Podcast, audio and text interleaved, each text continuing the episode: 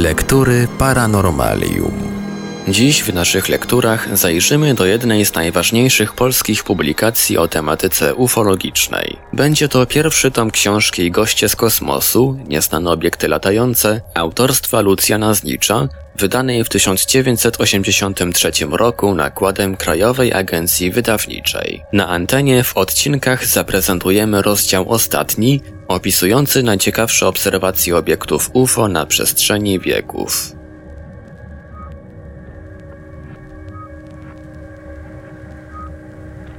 Niewiele zaiste ludzi zdaje sobie sprawę z tego, że fenomen nieznanych obiektów latających jest powszechny nie tylko w przestrzeni, ale i w czasie. Spróbujmy tylko zdjąć ze sterty historii naszej cywilizacji kartkę po kartce, na tyle ostrożnie, by wśród tak epokowych zdarzeń, jak wytępienie dziesiątków narodów, zniszczenie tysięcy miast czy wymordowanie milionów ludzi, nie uronić także spraw tak mało istotnych, jak pojawienie się na naszym globie zjawisk, których od tysięcy lat nie potrafimy wytłumaczyć.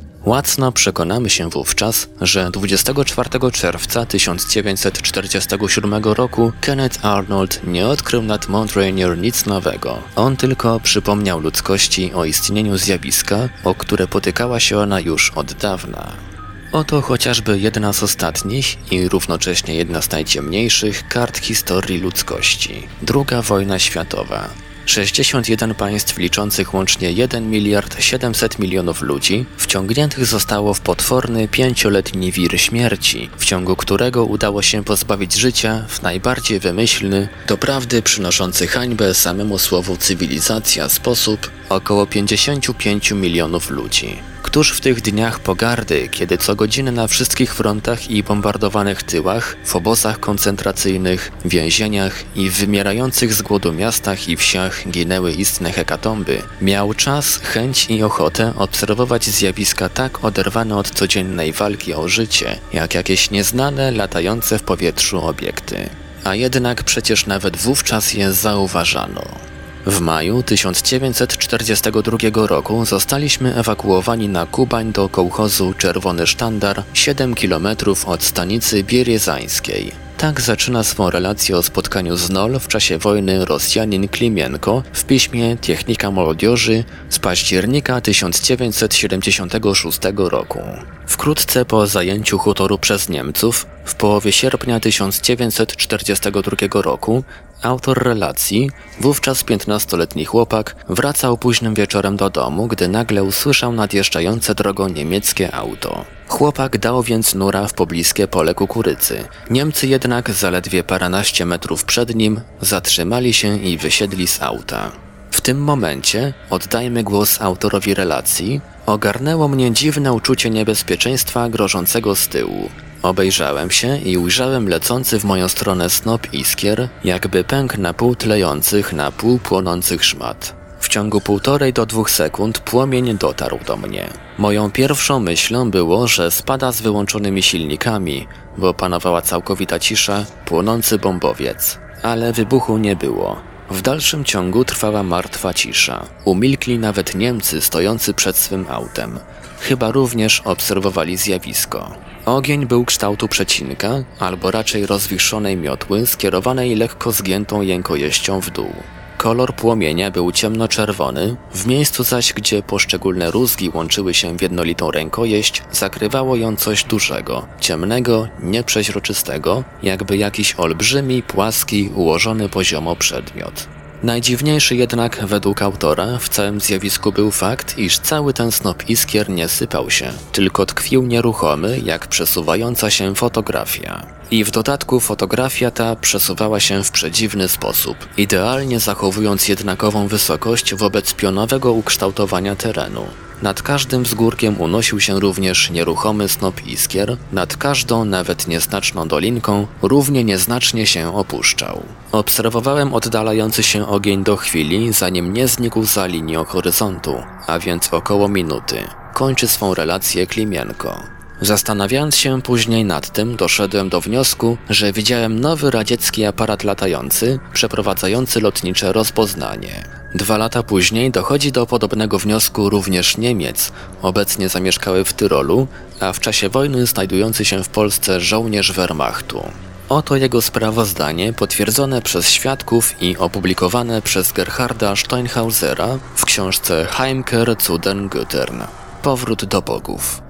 Pewnego pięknego jesiennego dnia 1944 roku ogłoszono, jak to się wówczas często zdarzało, alarm. Aparatura ostrzegawcza zameldowała szybkie zbliżanie się znajdującego się na wysokości 15 tysięcy metrów obiektu. Tak wysoko nie mogły wówczas latać żadne znane nam rosyjskie maszyny. Lecący obiekt zbliżał się i równocześnie obniżał swą wysokość. Przy około 8 tysiącach metrów ciężkie zenitówki rozpoczęły ogień. Wybuchy pocisków kalibru 88 gęsto otoczyły cały obiekt. Ale on okazał się szybszy. Pomiarowcy odległości nie wierzyli własnym oczom i co chwila krzyczeli przez mikrofon: 2000, 3000, 5000 km na godzinę. Gdy pędzący obiekt znalazł się zaledwie na wysokości 2000 metrów, niebo w międzyczasie pokryło się chmurami i przedmiot, który wydawał się okrągły, stał się bardzo słabo widoczny. Rozpoczęły ostrzeliwanie za pomocą pocisków świetlnych cztery sprzężone działka przeciwlotnicze kalibru 22. Bez żadnego skutku. Na tej wysokości obiekt dokonał zwrotu i znikł bez śladu na oczach 65 oniemiałych kanonierów. W rozgardiaszu wycofywania się cały wypadek został wkrótce zapomniany. A więc nowa o niezwykłych właściwościach tajna broń radziecka? Do innych wszakże wniosków doszli Amerykanie. Oni przecież ze Związkiem Radzieckim nie walczyli, a też na swym froncie raz po raz spotykali jakieś niezwykłe latające obiekty. To musiała być broń niemiecka. Główna kwatera informuje, że na froncie wschodnim, oczywiście w pojęciu Amerykanów, dla nas był to front zachodni, pojawiła się w powietrzu nowa broń niemiecka. Podał do wiadomości 14 grudnia 1944 roku New York Times. Lotnicy US Air Force stwierdzają, że podczas lotów nad terytorium Rzeszy spotykali srebrzyste kule. Czasem były one półprzeźroczyste i przelatywały obok samolotów bądź samotnie, bądź całymi grupami. Jak się wydaje, Niemcy wyprodukowali tajną broń pasującą do zbliżających się świąt Bożego Narodzenia. Broń ta, wchodząca w zakres arsenału obrony przeciwlotniczej, przypomina szklane bombki zdobiące choinki. Nie znamy jak dotychczas ani źródeł siły utrzymującej te kule w powietrzu, ani celu ich wystrzeliwania. Wyglądały one jak kryształowe kule i wielkością nie przekraczały chyba rozmiarów piłki do koszykówki. Bardziej szczegółowo opisał je już po wojnie przeprowadzający loty bojowe w czasie zimy 44 i 45 roku nad rozpadającą się trzecią Rzeszą amerykański pilot samolotu B-17 Charles Odom. Szczególnie często można je było zaobserwować nad Monachium, Wiedniem i niektórymi innymi ważnymi celami naszych nalotów bombowych. Nigdy nie zbliżały się one do formacji bombowców na odległość mniejszą niż 100 metrów. Potem wydawało się jakby formacja nasza przyciągała je jak magnes i leciały bez przerwy obok nas. Po pewnej chwili odrywały się jednak jak samolot i znikały. Nie zawsze jednak były to tylko niewielkie kryształowe kule. Czasem mówiono wyraźnie o pojazdach i to w dodatku pilotowanych. Taki właśnie wypadek wymienia m.in. Sanarow w swym artykule NLO i NLO nafty w świecie folklorystyki, czyli NOL i ich załoga z punktu widzenia folklorystyki, opublikowanym w sowieckiej etnografii w numerze drugim z 1979 roku. 15-letni chłopak idzie ścieżką przez pole. Tak oto relacjonuje ten wypadek autor. U podnóża pagórka zauważa troje ludzi ubranych w ciemnozielone błyszczące kombinezony. Na głowach mają hełmy tego samego koloru. Podchodzą do okrągłego obiektu z kopułą i nagle znikają, a aparat bezgłośnie ulatuje pionowo w górę, osiąga błyskawiczną prędkość i także wkrótce znika. Ponieważ rzecz działa się w Danii w okresie okupacji jej przez faszystów, zarówno chłopak jak i jego matka doszli do wniosku, że byli to Niemcy i że lepiej nikomu o tym nie wspominać. Ale nie mógł już podjąć takiej decyzji pilot amerykańskiego samolotu bojowego F-51, który w nocy z 4 na 5 grudnia 1944 roku został przez tę tajemniczą niemiecką broń wyraźnie zaatakowany. I to gdzie? Wcale nie nad Niemcami, tylko nad Laredo, lotniskiem położonym w Teksasie.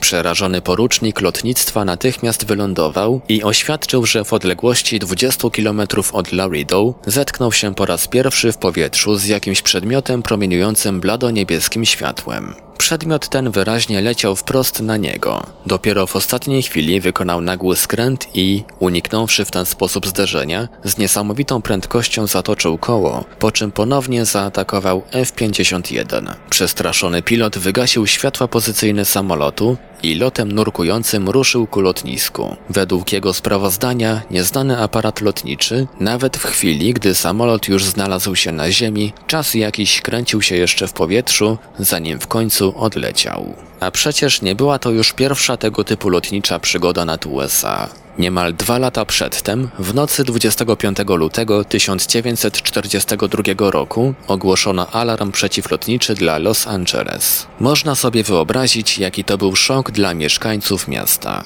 Zaledwie dwa miesiące temu, 7 grudnia 1941 roku, Japończycy zaatakowali niespodziewanie Pearl Harbor w pierwszej bitwie, pozbawiając Stany Zjednoczone 19 okrętów, 260 samolotów oraz 3699 wyeliminowanych z walki żołnierzy. Klęska ta stała się hasłem do natychmiastowego wypowiedzenia wojny USA przez Niemcy i Włochy. I oto zaledwie dwa miesiące po wciągnięciu Stanów Zjednoczonych do światowego konfliktu nieprzyjaciel, jaki dotarł aż do zachodnich wybrzeży kraju. Kto mógł się tego spodziewać? A jednak obrona przeciwlotnicza Los Angeles miała do ogłoszenia alarmu jak najbardziej realne powody.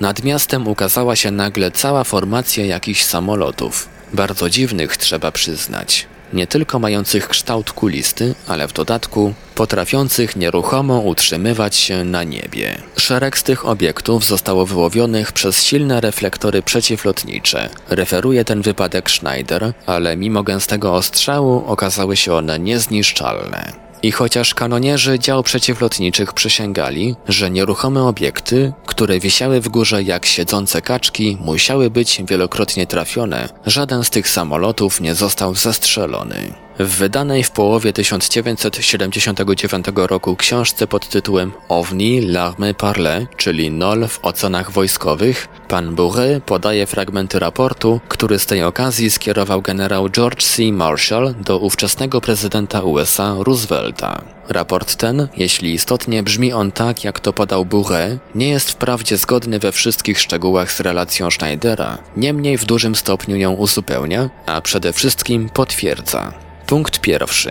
Niezidentyfikowane aparaty powietrzne, całkowicie odmienne od amerykańskich samolotów bojowych, dotarły podobno nad Los Angeles, w wyniku czego zostały one ostrzelane przez jednostki 37 Brygady Przeciwlotniczej 1430 pociskami. Punkt drugi. W akcji wzięło udział około 15 aparatów, które na różnych wysokościach, od 9 do 18 tysięcy stóp, poruszały się z różnymi prędkościami, od bardzo powolnej do około 225 mil na godzinę. Punkt trzeci. Nie stwierdzono bombardowania. Punkt czwarty. Nasze oddziały nie poniosły żadnych strat. Punkt piąty. Nie strącono żadnego z aparatów. Punkt szósty. Lotnictwo amerykańskie nie brało w akcji udziału. Śledztwo w toku. Można podejrzewać, że użyte niezidentyfikowane aparaty mogą pochodzić z prywatnych firm, przy czym mogli się nimi posłużyć agenci wrogiego wywiadu w celu zastraszenia, lokalizacji pozycji jednostek przeciwlotniczych, bądź też zmuszenia do zaciemnienia i przez to do zwolnienia produkcji wojennej. Jak więc widać, przy całej militarnej fantazji co do celów nalotu, generałowi Marszalowi zabrakło już wręcz wyobraźni do przypuszczenia bodaj, że mógł to być bezpośredni atak wroga. Skąd? Przecież zarówno Trzecia Rzesza, jak i Cesarstwo Japonii odległe były o około 10 tysięcy kilometrów. Jaki samolot potrafiłby tę przestrzeń pokonać? A przecież jednak nie była to rzecz niemożliwa. Dziesiątki lat po wojnie, konkretnie w końcu lat 70., historycy natrafili na ślady supertajnej operacji japońskiej Latający Słoń. Prowadził ją meteorolog Sakuhei Fujiwara, który wykorzystywał do jej realizacji stałe wiatry wiejące przez cały okres zimowy nad Japonią w kierunku wschodnim, a więc poprzez Ocean Spokojny ku zachodnim wybrzeżom USA. Korzystając z nich w prefekturach Shiba, Iburaki i Fukushun wypuszczano wypełnione wodorem balony, które niosły za sobą 35-kilogramowy ładunek zapalający. Według dotychczas do lutego 1979 roku ujawnionych dokumentów Japończycy w toku tej operacji wysłali aż 9300 takich balonów, które najprawdopodobniej wywołały szereg tajemniczych pożarów wzdłuż wybrzeży Stanów Zjednoczonych od Alaski aż po Meksyk. Operacja Latający Słoń wymagała jednak kilku lat przygotowań i trwała od listopada 1944 roku do marca 1945 roku. Jakiż więc nieprzyjaciel zdolny był, w dodatku w tak dziwny sposób, zaatakować Stany Zjednoczone zaledwie dwa miesiące po wybuchu wojny?